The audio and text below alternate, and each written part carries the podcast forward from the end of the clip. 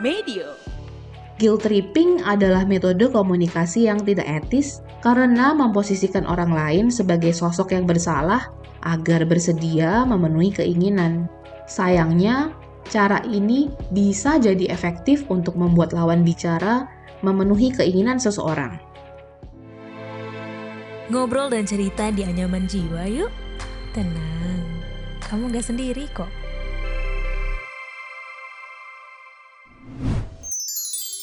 Teman-teman, ada kejutan nih. Kamu bisa mengenang kembali cerita-cerita pendek dan dongeng dari majalah Bopo edisi spesial 50 tahun.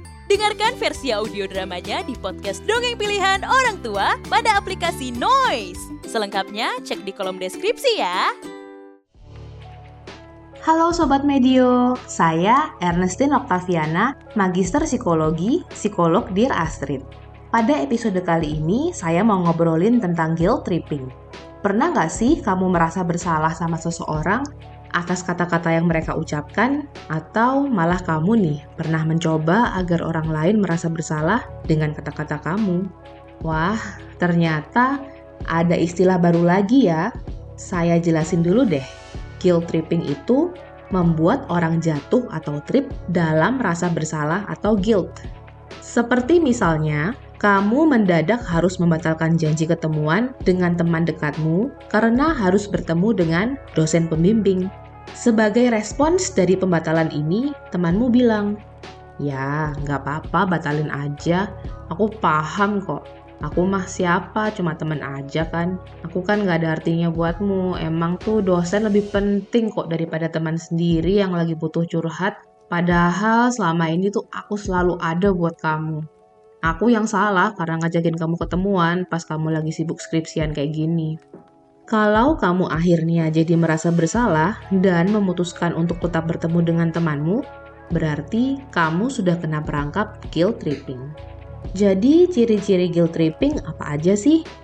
Contoh yang baru saja kita dengarkan sudah memuat beberapa ciri-ciri guilt tripping, yaitu metode komunikasi yang pasif-agresif, yang kedua, bertindak seolah-olah tidak marah, padahal cara berkomunikasinya menunjukkan sebaliknya. Yang ketiga, pelaku tidak mencoba memahami situasi si lawan bicara. Yang keempat, menunjukkan bahwa sudah banyak pengorbanan yang dilakukan oleh si pelaku tanpa dihargai oleh si lawan bicara. Dan yang terakhir, memposisikan diri sendiri sebagai korban. Lalu, guilt tripping itu ada efeknya juga loh jadi apa aja sih efeknya? Pastinya membuat lawan bicara merasa bersalah karena nggak bisa memenuhi keinginan dari pelaku guilt tripping. Sementara ketika sering disalahkan, korban akan mempertanyakan atau meragukan dirinya sendiri yang bila terus dialami akan menurunkan self-esteem atau penilaian terhadap diri sendiri, menimbulkan rasa cemas ketika akan menolak sesuatu, bahkan bisa mengembangkan pola kepribadian people pleaser demi menghindari rasa tidak nyaman. Nah, relate ya sama yang tadi saya sebutin? Sini, saya punya tips biar kamu bisa menyikapi sikap orang seperti ini atau kalau kamu punya sikap ini. Pertama, buatlah batasan dengan menyampaikan bahwa kamu memahami bahwa hal yang tidak bisa kamu penuhi adalah hal yang penting buat pelaku. Saking pentingnya, mereka sampai rela membuat kita merasa bersalah ketika nggak bisa memenuhi hal tersebut. Sampaikan juga bahwa hal yang sedang mereka lakukan adalah bentuk dari guilt tripping. Menggunakan guilt tripping justru membuat lawan bicara merasa nggak nyaman, walaupun sudah menuruti keinginan. Sampaikan agar mereka menggunakan metode komunikasi yang lebih direct atau to the point, karena penyampaian yang tidak berbelit akan lebih mudah dipahami dan memunculkan respons yang lebih tulus.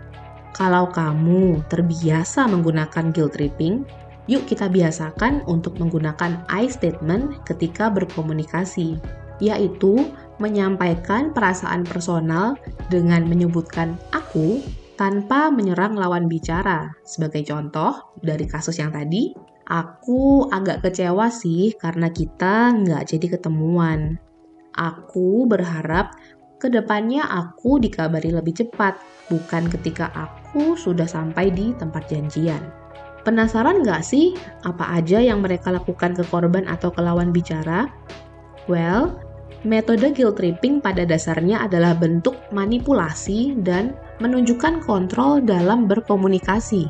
Yang dilakukan pelaku pada korban adalah memanipulasi dan memutarbalikkan fakta, sehingga lawan bicara yang menolak terlihat seperti pihak yang bersalah karena sudah menolak permintaan.